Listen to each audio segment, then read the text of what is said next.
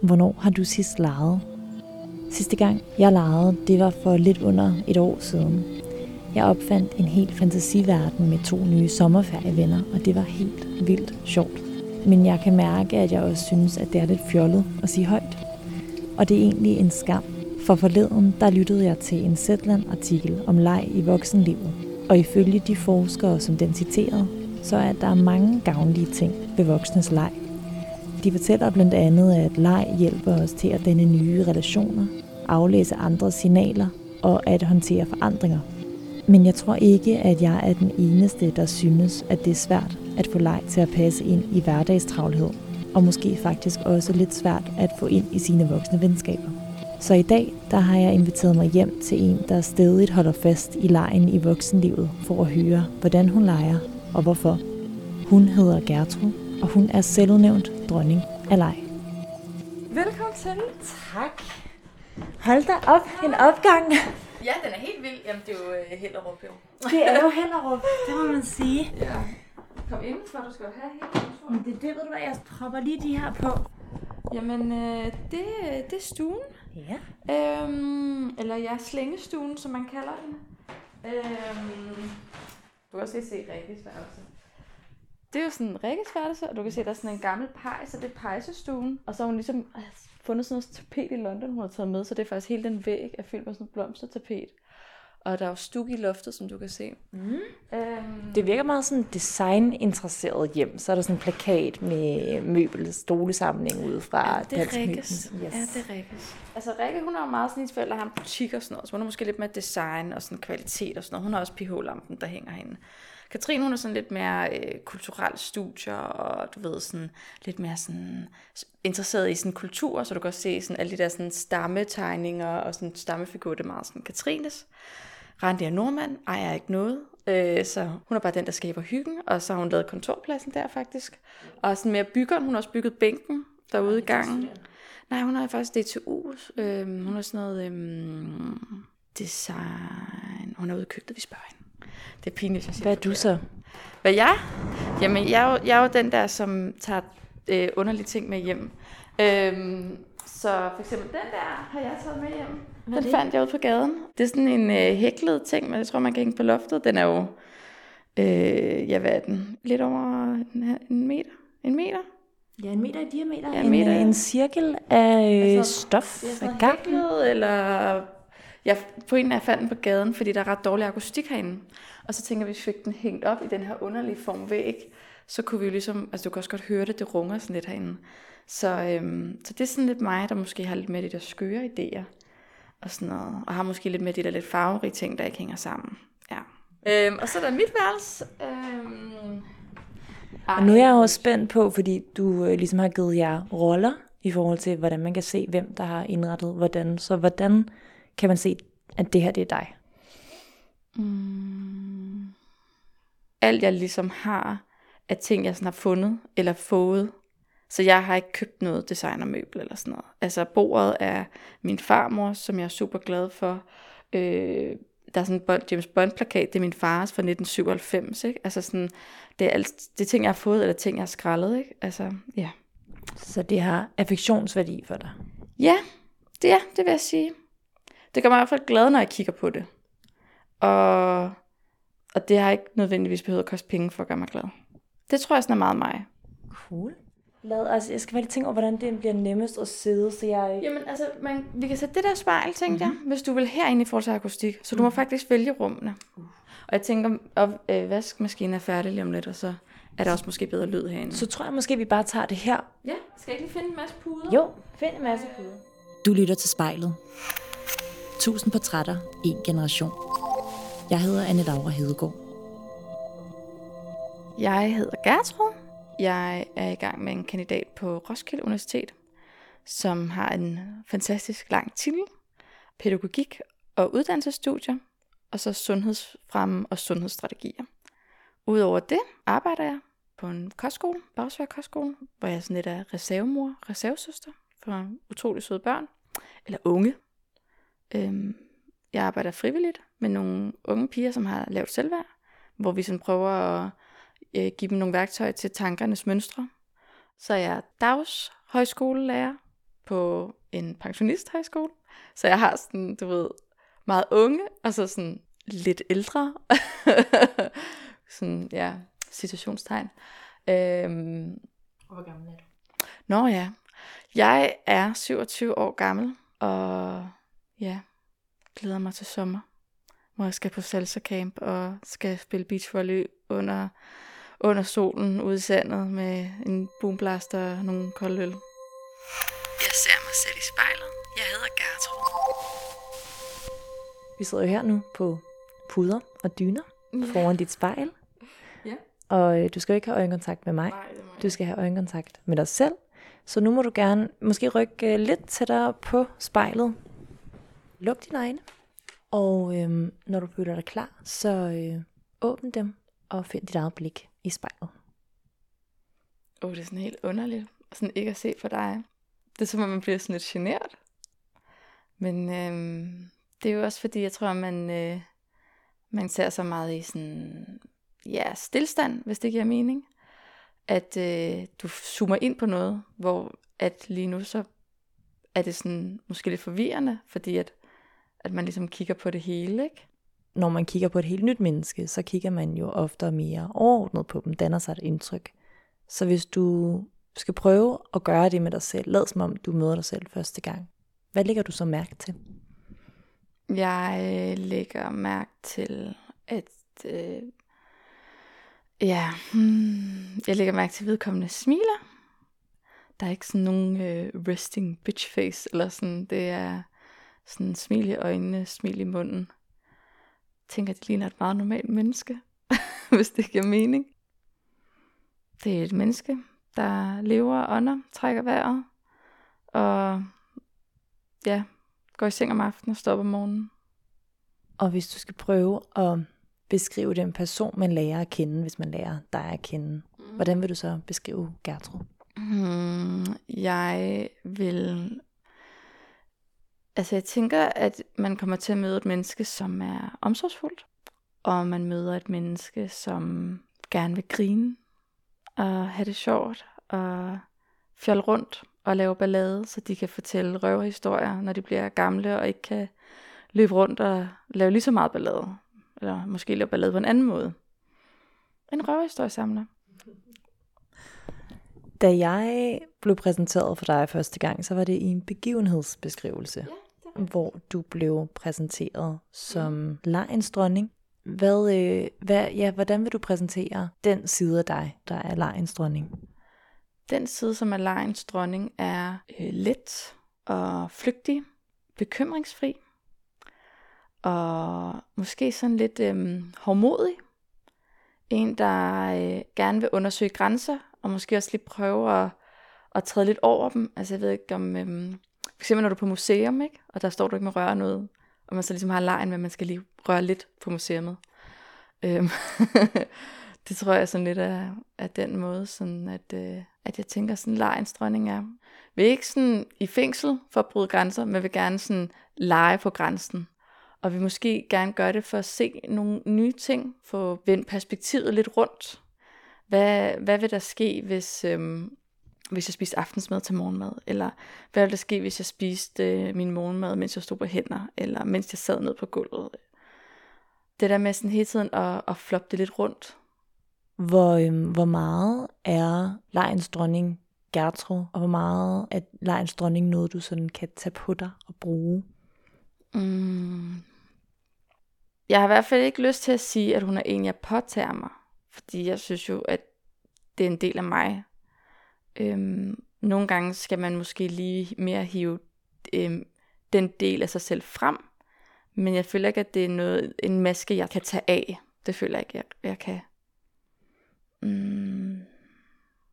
Nu tror jeg, jeg glemmer spørgsmålet her faktisk. Jamen, jeg tror, jeg vil spørge videre, så, ja. så tror jeg, jeg vil spørge sådan, hvornår du trækker den del af dig selv frem.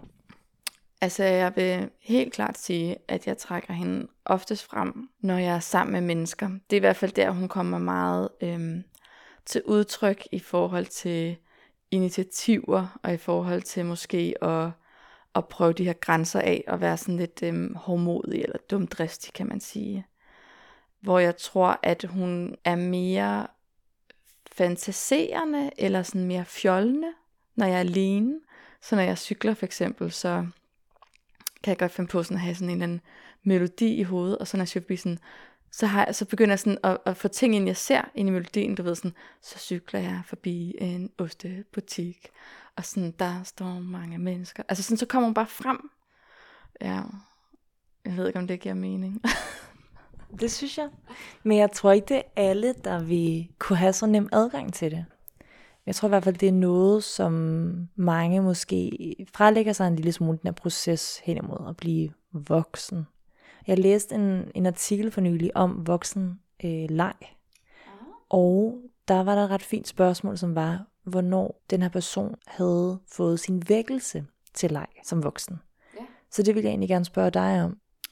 At det er jo super spændende, det du siger, ikke? fordi at jeg tror helt sikkert, at meget voksenleg er jo blevet reduceret til digitalisering og til festleje, ikke? Og det er for mig at se en kæmpe skam. Og det er jo det samme, der jo også sket for mig. Jeg kan jo, øhm, jeg kan i hvert fald huske, at sådan skiftet skete der i sådan 5. 6. klasse, hvor man ligesom begynder at, at tænke, hvordan skal jeg spørge folk, at de vil altså være sammen på, ikke? Og øh, hvor ja, mig og en veninde ligesom havde krisemøde, fordi vi mente jo, at øh, hvis man sagde, skal vi være sammen, så kunne folk jo misforstå det, altså om vi spurgte, om de ville være kærester. Så vi skulle finde på noget andet at sige, som stadig var ret cool, for vi, skulle ikke, vi ville gerne være populære. Øhm, og så vi havde ligesom sagt, at ej, vi skal sige, øh, kan, kan, kan, man, kan, du hænge, kan du hænge ud på onsdag? Og jeg kan huske meget sådan, at op til det år, der havde hun, øh, hende veninde der, min folkeskoleveninde, hun havde fået en stor trampolin. Og det var bare min største drøm for en stor trampolin, så jeg var jo så glad, da jeg fik en til min fødselsdag efter. Fordi det var jo det bedste. Og det kan jeg huske, det tror jeg var sådan, det var sådan der, jeg sådan, tror jeg sidste gang legede, fordi man hoppede på den her store trampolin, og så lavede vi bare alle mulige ting, og bare, vi kunne bruge en hel dag derude. Og øhm, det tror jeg virkelig var sådan, altså sådan sidste gang, hvor jeg sådan kan i hvert fald huske den der sådan lidt mere sådan, at vi ikke skulle sidde og snakke om tøj, og øhm, øh, hvem, hvem var hvem, og hvem kyssede med hvem, og hvem ville man gerne kysse med, og sådan, du ved, alt det der sådan lidt mere øhm, teenage-relateret, og sådan det pinlige, ikke? Øhm, for jeg kan nemlig også huske, jeg tror også, det var sådan på stor trampolinen, og sådan nogle af drengene fra klassen cyklede forbi, så begyndte vi at synes, det var pinligt, ikke? Og så skulle vi ikke vise dem, at vi hoppede på stor trampolin. Og det er jo egentlig det, som er lidt ærgerligt, ikke? At man gemte det væk, fordi det er da egentlig mega sejt. Men jeg har også tænkt meget, efter vi snakkede om, at jeg tror stadig, der findes rigtig meget leg derude. Du har aldrig set forældre lege så meget med deres børn, som man gør nu, tror jeg. Altså jeg tror, der er meget mere en, øhm, en accepterethed for samfundet af, at du fjoller med dine børn. Men, men spørgsmålet er bare, om der er en accepterethed i samfundet om, at man man leger med sig selv, uden at det lyder seksuelt, eller uden det er ment seksuelt, øh, men at man, at man også kan lege, selvom man er voksen, med andre voksne, hvor det ikke er fordi, at vi leger drukleje, eller vi er til konfirmation. Øhm, så vi har det jo på en eller anden måde i vores hverdag, men den bliver oftest begrænset til måske begivenheder, eller bestemte ting, aspekter og ikke så meget i sådan bare hverdagen, som hverdagen er.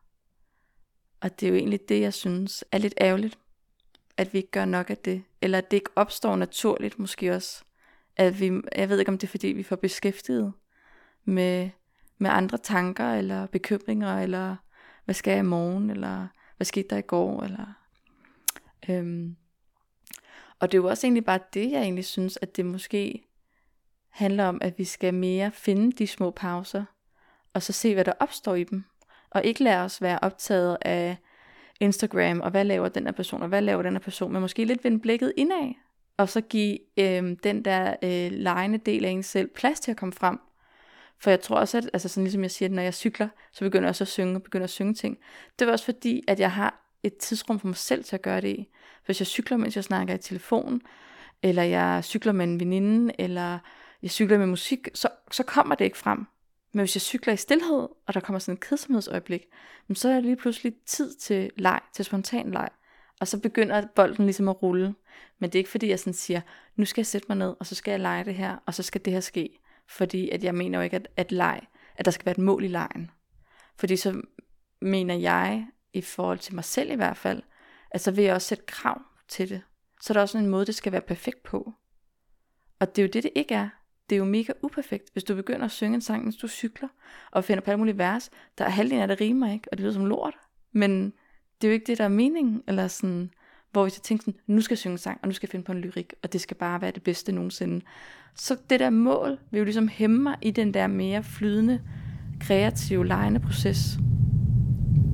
Mit højskoleophold var en tid, hvor at min identitet begyndte at spire, og kunne få lov til at blive vandet og gødet og passet og plejet i ro og mag.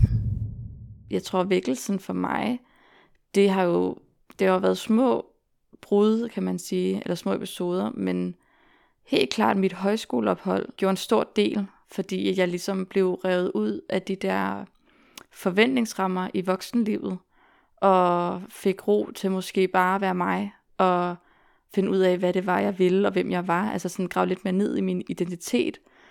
Og det fik jeg i hvert fald ikke selv personligt så meget øh, i det første sabbatår, hvor jeg arbejdede.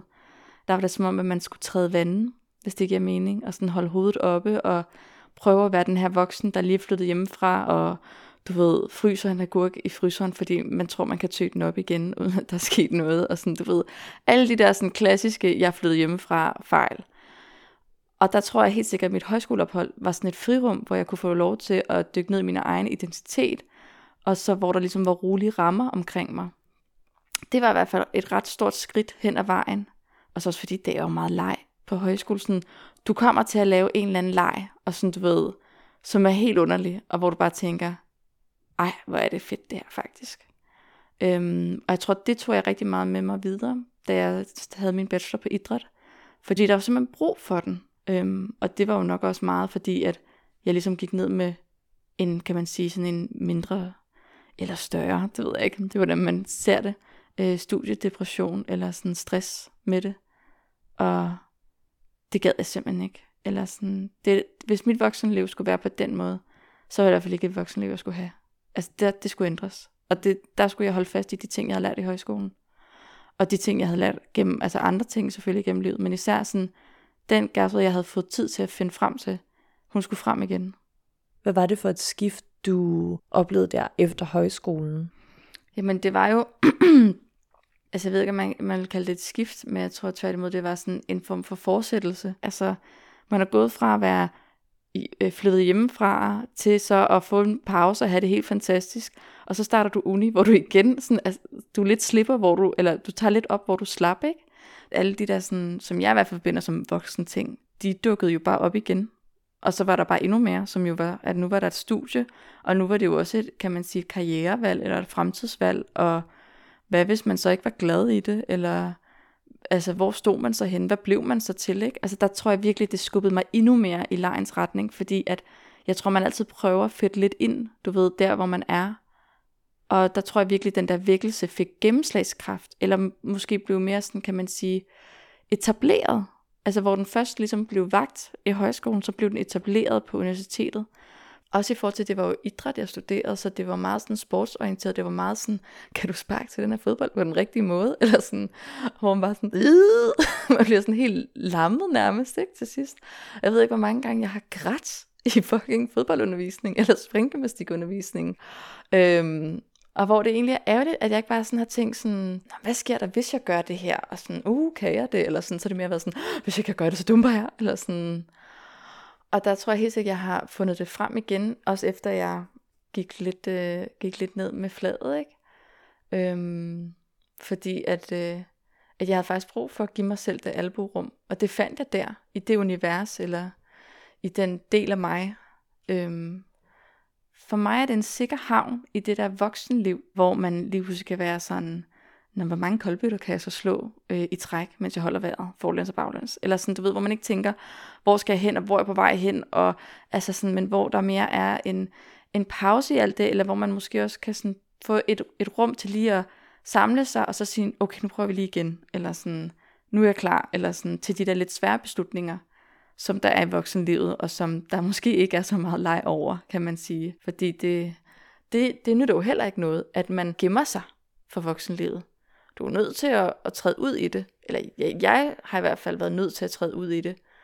Øhm, og så har jeg mere, måske kan man sige, fået nogle pusterum, eller mere fået inkorporeret, at det ikke altid behøver at være så seriøst. Øhm, og ikke altid behøver at være så perfekt. Giver det mening?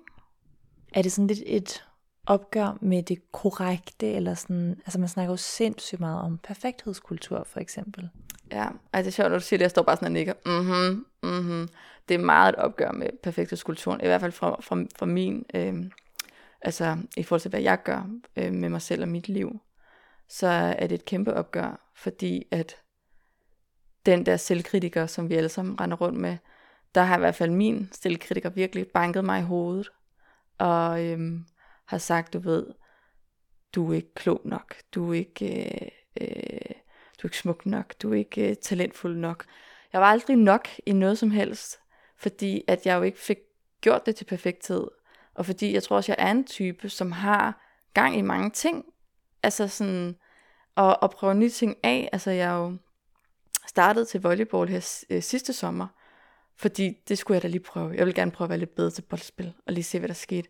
Man skal ikke være den perfekte til det, eller sådan. Og når man hele tiden får nye øh, idéer, og er nysgerrig på at lære nye ting, jamen, så bliver man desværre ikke rigtig perfekt til noget.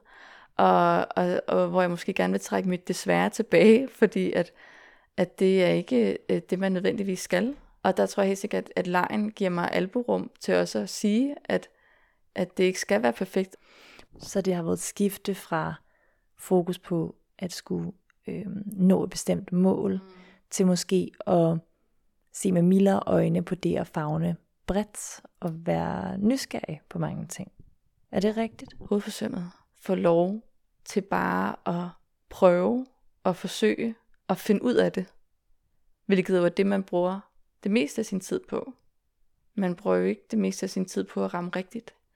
Og det er helt okay, fordi der er faktisk også nogle andre, der fortjener det der rampelys, og der er nogle andre, der fortjener at, at ramme plet en gang imellem, og så få det. Og så skal vi alle sammen dele som succeserne. Vi skal ikke øh, alle sammen have lyst til at, at være i succes hele tiden 100%. Fordi så har vi slet ikke tid til at fejre hinanden. Vi skifter, og så er vi også nødt til at underpræstere. Og give os selv alburum, men måske også give hinanden alburum, hvis det giver mening. Og det lyder vildt dejligt, synes jeg. øhm, ja, ja jeg, jeg synes nemlig måske også, det lyder en lille smule utopisk. Øhm, at kunne leve op til at, at give sig selv det. Bliver du aldrig i tvivl om, altså ja, har du aldrig stunder, hvor du glider tilbage i den der perfektheds øh, tankespind? Altså jo, selvfølgelig. Altså, jeg vil da sige, lige inden du kom, der var Randi sådan i gang med, at, mig og Randi var i gang med at snakke, og så var jeg sådan, Randi, du er simpelthen nødt til at gå. Jeg skal simpelthen forberede mig til, at en lav kommer, jeg har brug for at forberede mig et eller andet, jeg skal have noget klogt at sige. Altså allerede der, der begynder jeg at måle veje mig selv, og sige, du skal lige, dik, fordi nu skal jeg lige få forberedt mig, og lige læse op på nogle ting, eller lige tænke over, hvad er det egentlig, jeg synes om ting. Øhm, så jeg ikke siger noget, som jeg fortryder. Og hver gang, at, at øh, jeg får en karakter, så græder jeg, og det er ikke altid at glæde, det er oftest af, af kederlighed, fordi at jeg ikke fik det 12 -tal. Altså jeg tror, jeg ringede til min mor for tre uger siden, altså og græd, fordi jeg fik syv. Altså, jeg er totalt en tudprinsesse. Jeg kan da græde en gang om ugen. altså, øhm, altså også ligesom, da vi skulle gå i gang med interviewet, ikke, der sad jeg også bare og tænkte, åh, det er godt, der er lidt dæmpet lys, fordi så kan jeg ikke se på alle mine bumser, som jeg har, på trods af, at jeg er 27 og voksen. Air quotes, ikke? Øhm, og det er jo også allerede der, ikke? En eller anden kritiker, eller nogle fejl, jeg begynder at finde, eller noget, jeg, jeg nu skal jeg måle mig op til noget, ikke? Altså, så det er ikke utopisk, på ingen måde. Altså, mit liv, eller, eller, eller også de tanker, eller altså de der lejens tanker, ikke? Altså, de er jo heller ikke utopiske, fordi at det skal jo også have sit modspil. Der er også nødt til at være den virkeligheden, som er hård, som er modstykket til lejen. For ellers er lejen jo ikke lejen. Altså jeg kan jo heller ikke være lejende Gertrud hver dag hver sekund. Altså fordi, så forsvinder også det specielle ved hende, hvor at nogle gange så er jeg også nødt til at være leverpostej Gertrud, som tager sådan nogle opgaver. Og hun er jo også vigtig, og har jo en plads, og skal have en plads. Altså alle dele af mig er vigtige, men det handler jo bare om, at man på en eller anden måde finder den der balance. Der skal kunne være den her balance mellem øh, den lejende Gertrud og leverpostej Gertrud. Fordi at hvis ikke at modstykkerne ligesom er der, så er der ingenting. Eller så går det i hvert fald galt. Det ville være et perfekt sted at slutte, men, men, jeg, men jeg, det er fordi, ja, jeg har bare siddet og tænkt øh, undervejs, at vi har snakket rigtig meget om det der med at være voksen. Mm. Og lige her, nu sagde du også voksen i er quotes. Altså, mm. jeg, jeg stusser bare over, hvilke dele af det at blive voksen er det, du har så lidt lyst til at have med? Mm.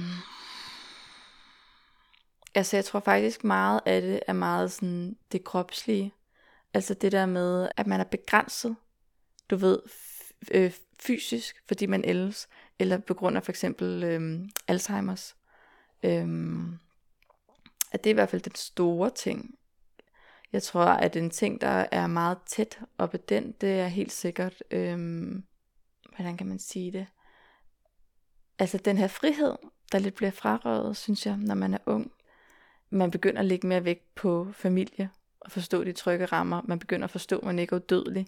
Man forstår måske lidt mere, at man ikke skal gå igennem mørke gyder. Man bliver lidt mere bange for ting. Altså sådan, den her frygt kommer lidt mere, ikke? Man bliver bange for at miste. Det kan jeg i hvert fald huske, da jeg var teenager. Det havde jeg ikke. Du ved, mine forældre var bare irriterende, og altså sådan, når man venner, det var sådan, man fik en masse af, og det skiftede jo, og altså sådan, hvor nu kan man jo godt mere mærke, at man skal pleje relationer, og at den her, øh, kan man sige, nye relationer jo ikke kommer lige så nemt. Og der, der er jo også noget at miste, fordi man jo faktisk også er glad for dem, altså de relationer, man har. Øhm, jeg tænker også, at min storsøster, hun er lige blevet mor øh, til den smukkeste pige i verden, ifølge mig, og hendes mor, og hendes far. Øhm, og det er jo, at, øhm, at der er jo også et nyt liv, man mister, ikke? Altså nu bliver du forældre, nu har du et ansvar. Og det er jo ikke et ansvar, du kan frelægge dig. Hvor man kan sige, at, øh, at der er jo lidt mindre ansvar, når man er ung. Og jeg har nok altid været lidt ansvarsforskrækket. Ja, det er ikke så godt. Jeg er jo meget sådan en, synes jeg selv, i min egen optik, og der er nok mange af mine bekendte og venner, der vil modsige mig. Men jeg mener, at jeg tager ligesom valget, der bliver taget for mig oftest. Du ved, øhm, altså sådan, så har jeg søgt restpladser på uni, fordi jeg ikke lige vidste det, og så skulle jeg bare se, hvad er der tilbage, eller sådan, så er det lidt nemmere at tage alle de der valg, fordi jeg tror, jeg bliver så, jeg bliver sådan helt forvirret af alle de der valg, eller sådan, jeg synes, det bliver for, øhm, det bliver for en stor mundfuld. Altså, jeg tror ikke, at den beslutning, du tager i voksenlivet, påvirker dig resten af livet, sådan at det er sådan mega skældsættende. Men jeg tror, mens man tager beslutninger i voksenlivet, så føles alle beslutninger skældsættende. Jeg skal på den her praktikplads. Hvad kan den gøre? Og jeg har jo fået at vide, at hvis jeg spiller min kort rigtigt, så kan jeg få job der efter jeg er færdig. Og så, og så skal jeg på dagpenge. Bla, bla, bla. Og huh, altså man er jo helt forpustet. Jeg er helt forpustet bare at, at sige det. Og der tror jeg helt sikkert, at, at det nok også er det, jeg tiltrækker sig i lejen, ikke? At den, lidt, øh, den er der, til den ikke er der mere. Eller den er der jo, indtil vi stopper med at opretholde den. Stopper med at lege den, ikke? Øhm, jeg tror sådan et ret godt legeeksempel, jeg tænkte på, det var sådan, at øhm, øh, mig og min kæreste, vi lå sådan en morgen, inden vi blev kærester, og så, øhm, du ved, så ud af ingenting, altså vi har ikke snakket om det, ud af ingenting, så opstår det ligesom, at jeg tror sådan, at, at han sådan, øh, sådan, du ved, stryger hans næse over min kind, og så tilbage og giver mig et kys. Og så gentager jeg den samme bevægelse på ham, men så bygger jeg videre på bevægelsen. Og så, du ved, så gentager han ligesom, du ved, bevægelsen, at han stryger op en kind, giver mig et kys, og så fortsætter hans bevægelse, som jeg har tilføjet med min bevægelse. Og, sådan, og så bygger vi sådan frem og tilbage med hinanden. Og jeg tror bare, jeg synes, det var det fineste øjeblik i verden, den dag eller den morgen. Og så faktisk, at mens jeg så ligesom laver en ekstra bevægelse, så går jeg sådan op til hans øre, og så spørger jeg, om han vil være min kæreste. Og, så, øh, og jeg tænker, han er sådan, ja, eller sådan, men så starter han så bevægelsen på, hvor vi startede, og ligesom kører den hele igennem, og bare tænker, oh my god. og sådan kommer op til øret og siger, jeg vil gerne være din kæreste. Og, øhm, og det er jo også på en måde, det er jo også en leg. Og så stoppede den jo så, for så, så kyssede vi. Sådan, så var vi jo glade. Øhm, men den, den stoppede også meget senere, end jeg lige havde forventet. Øhm, Men det er jo også et valg, ja, I har truffet der, at I er blevet kærester igennem en leg, ja. Øhm, som jo er et af de, vil jeg sige, svære voksenvalg, som også handler om fravalg. Ja. Så der har du jo truffet et voksent valg via leg. ja. Gør du det generelt egentlig? Åh, det er et svært spørgsmål. Jeg tror desværre ikke, at der så mange af mine valg er taget igennem leg, men jeg er rigtig glad for, at, at mit valg om at blive kærester med Anders øh, var gennem en leg, fordi det var et helt perfekt øjeblik, og fordi det også var et valg, jeg tog. Og det tror jeg også igen, det der med, hvis man er en, der måske lidt tager det der tilbage, så har man sådan en tendens til at måske også bare tage det, der kommer. Og der var jeg faktisk, og der tænkte jeg meget sådan, at, og det tænkte jeg lang tid, sådan inden at det skulle være mig, der spurgte. For jeg skulle sådan beslutte øjeblikket, sådan så det var et fantastisk øjeblik. Også i min optik, for jeg vidste, at Anders ville synes, det var fantastisk uanset hvad. Øhm, men sådan, du ved, sådan, han var også ligesom den, der sagde, at han først elskede mig. Og der sagde han det på sådan en helt vildt dårligt øjeblik, synes jeg jo. Fordi vi var på vej i seng, og jeg var mega træt. Eller sådan. øhm, så jeg var sådan meget sådan, at det var mig, der skulle bestemme det. Og så kom det jo bare der egentlig. Det var egentlig, det, det, det var egentlig bare, fordi det føltes rigtigt. Det var måske en meget fin måde at slutte det på. Min mor og far har altid sagt, at jeg var sådan lidt en rebel. Og jeg tror ikke, jeg har forstået det, fordi jeg er jo ikke en, der brænder flag eller bliver arresteret af politiet. Men lejens dronning er nok min form for rebellion mod ja, den præstationskultur, vi har i nutidens samfund. Nu ved jeg, er helt i starten om at prøve at beskrive, hvad det er for en person, du kigger på. Hvad tænker du, hvordan vil du beskrive den person, du kigger på i spejlet nu, efter at have snakket så mange ting igennem? Øhm, jeg har tænkt meget over, at jeg bruger meget mine hænder. Altså det er en person, der meget øhm, har brug for at, at sætte bevægelse på ord, fordi ordet i sig selv er ikke nok åbenbart, når vedkommende skal formidle. Øhm, jeg tror også, jeg ser en person, som er blevet lidt klogere på sig selv under den her samtale.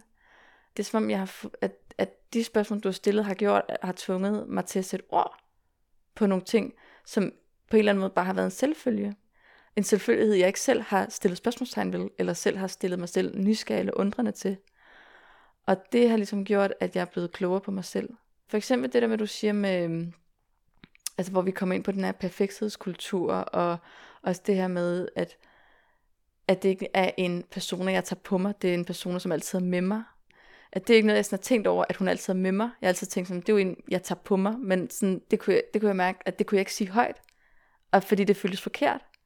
Så jeg tror sådan, i og med at jeg kunne sætte ord på det, så kunne jeg også mærke sådan, at hvad der føltes rigtigt at sætte ord på, og det var det, var det rigtige at sætte ord på. Så på den måde har jeg jo ligesom lært, at, det, at, at lejens dronning er en, øh, en del af mig, og en del, jeg er utrolig stolt af. Det er sådan helt rart, faktisk. Ja. Nu må du gerne bryde øjenkontakten med dig selv. Ej, det er helt underligt. Næsten sådan lidt uh, meditativt på en underlig, konfronterende måde. Ja, men jeg synes, man, man blev faktisk mere og mere sådan... Det var faktisk næsten helt rart bare at kigge på sig selv. Fordi så fik man, altså ens tanker, fik ligesom bare lov til sådan at flyde. Jeg håber, jeg har sagt noget klogt, der kan bruges. Ej, men tusind tak, fordi jeg måtte komme på besøg. Ej, tak fordi, at øh, du ville komme på besøg. Hvis du eller en, du kender, skal være med i spejlet, så skriv til os på Instagram.